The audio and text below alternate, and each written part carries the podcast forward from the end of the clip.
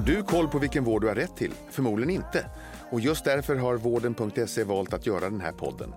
Jag heter Mikael Sandström och är husdoktor i eh, podden Vårddjungeln. Jag får sällskap av andra experter inom vårdrelaterade ämnen och även gäster som berättar om sina sjukdomserfarenheter. Har du som lyssnar en fråga du vill ta upp i podden så mejla fragoratvarden.se. Med detta sagt önskar jag dig varmt välkommen till Vårddjungeln. Nu kör vi! Varmt välkommen till ännu ett avsnitt av Vårddjungeln. Och eh, med mig i studion idag så har jag Stefan Nydahl från Narva Åderbråck Center. Och eh, Stefan Nydahl han är kärlkirurg, eh, allmänkirurg och docent och är med oss här idag för att utbilda oss om åderbråck. Jättevälkommen till Vårddjungeln! Stort tack! Kul att du kan vara här. Tack. Men ska vi dyka in i det här ämnet direkt? Ja, det kan vi göra. Vad är egentligen åderbråck? Ja, vad är det? Det är små 3-4 mm stora utvidgade vener som ligger under huden men de putar ut så man ser det som slingrande ormar. Till skillnad från ådernät som ligger i huden och är väldigt mycket mindre. Mm. Och, och vem, vem, får då åderbråck? Är det liksom uppfattningen att det är mycket kvinnor som får det eller det, finns det något, får alla det? Nej. Och när får man det? Inte alla får det, men var tredje person har faktiskt åderbråck. Och det är lika vanligt bland män som kvinnor. Mm. Men det är mest kvinnor som söker oss. Mm. Är det.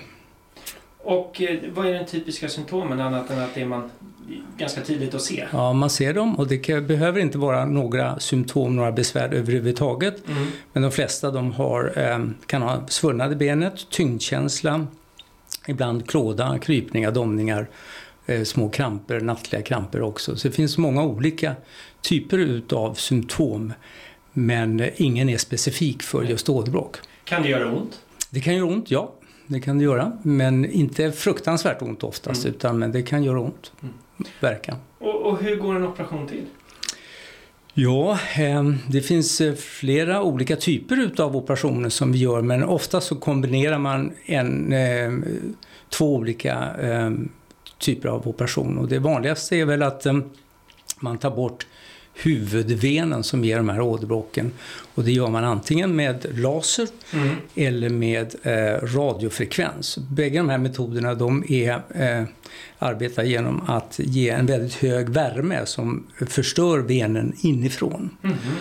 Sen kan man också, som är eh, väldigt bra, använda kemisk eh, förstöring utav eh, venen. Och då sprutar man in en tvålliknande ämne som kemiskt förstör venen. Mm.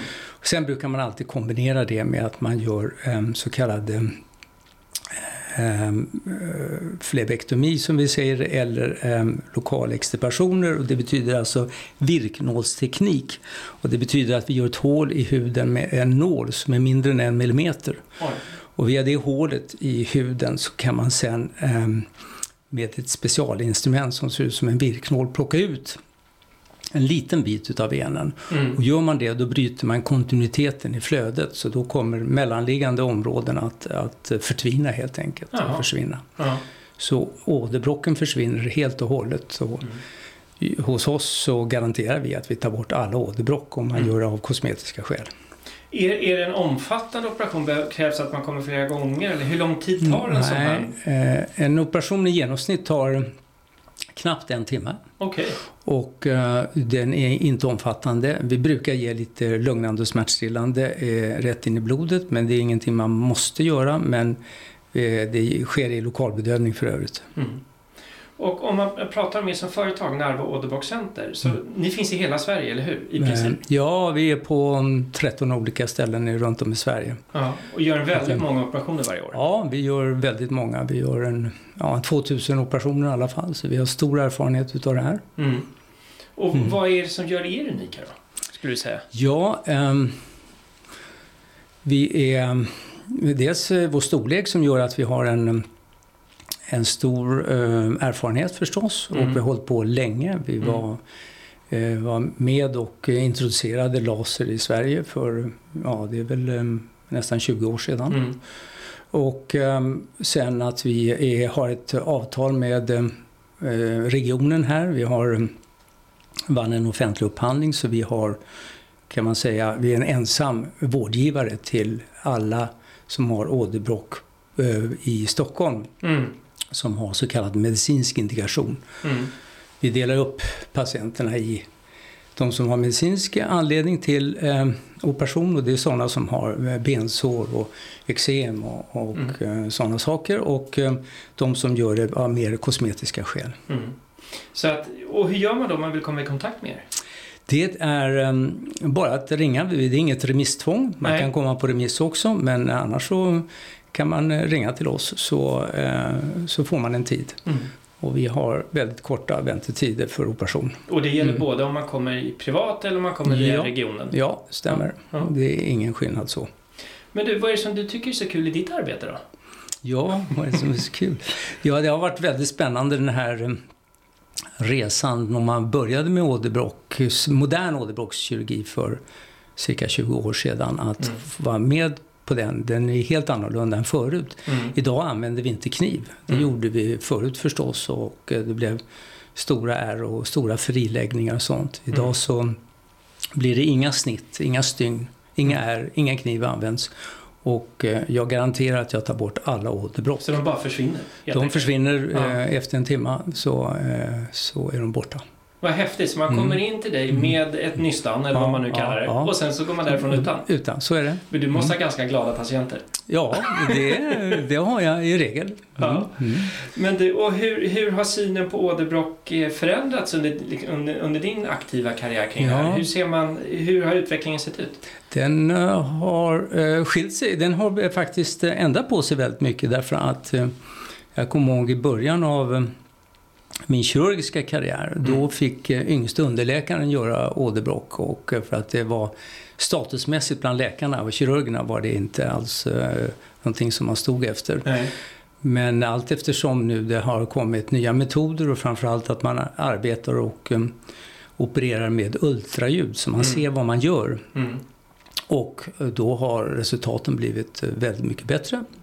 Och eh, det är roligare att, eh, att operera och man ser vad man gör på ett helt annat sätt än vad man gjorde förut. Mm. Och eh, framförallt för patienterna. Det, förr var de sjukskrivna kanske i 14 dagar. Nu, Oj. nu sjukskriver vi aldrig nästan. Nej.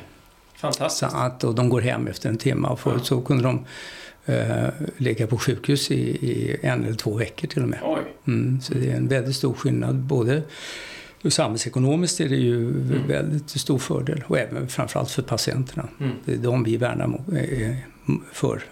Är, är det någon eh, speciell ålderskategori när det börjar debutera eller vad man nu ska säga? Nej, Den, alltså åderbråck eh, kommer eh, egentligen när man är fullvuxen så det kan Mm. komma i sena tonår, tonår och sånt. Okej. Ja. Är det tidigare då är det oftast en missbildning. Men Mm. från det kan det komma. Men den vanligaste patienten det är en, patient, en, en kvinna då som kommer mellan 45 och 65. Mm. Någonting sånt. Eh, jo, jag har läst någonstans att det är ganska vanligt att man åderbråcken debuterar i samband eller efter en graviditet. Är, det något, finns det något belägg för det påståendet?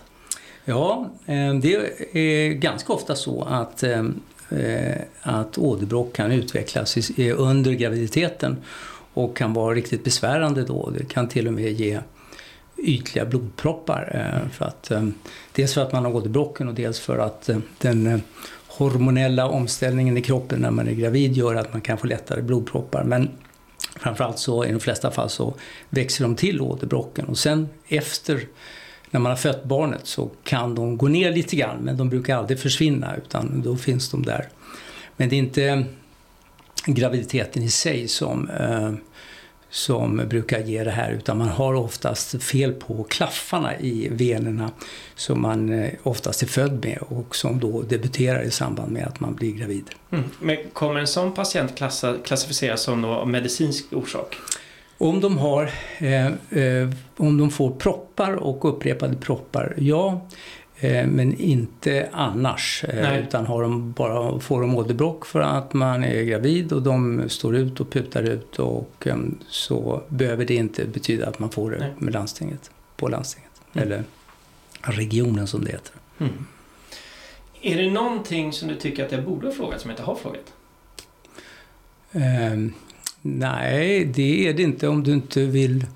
Ja, det kan ju vara om man vill veta vilka som får eh, regionfinansierad vård och de Ah, som får privat vård. Alltså för att, eh, då, är, då är det som så att vi delar in alla patienter i en klassificeringsskala. Ja.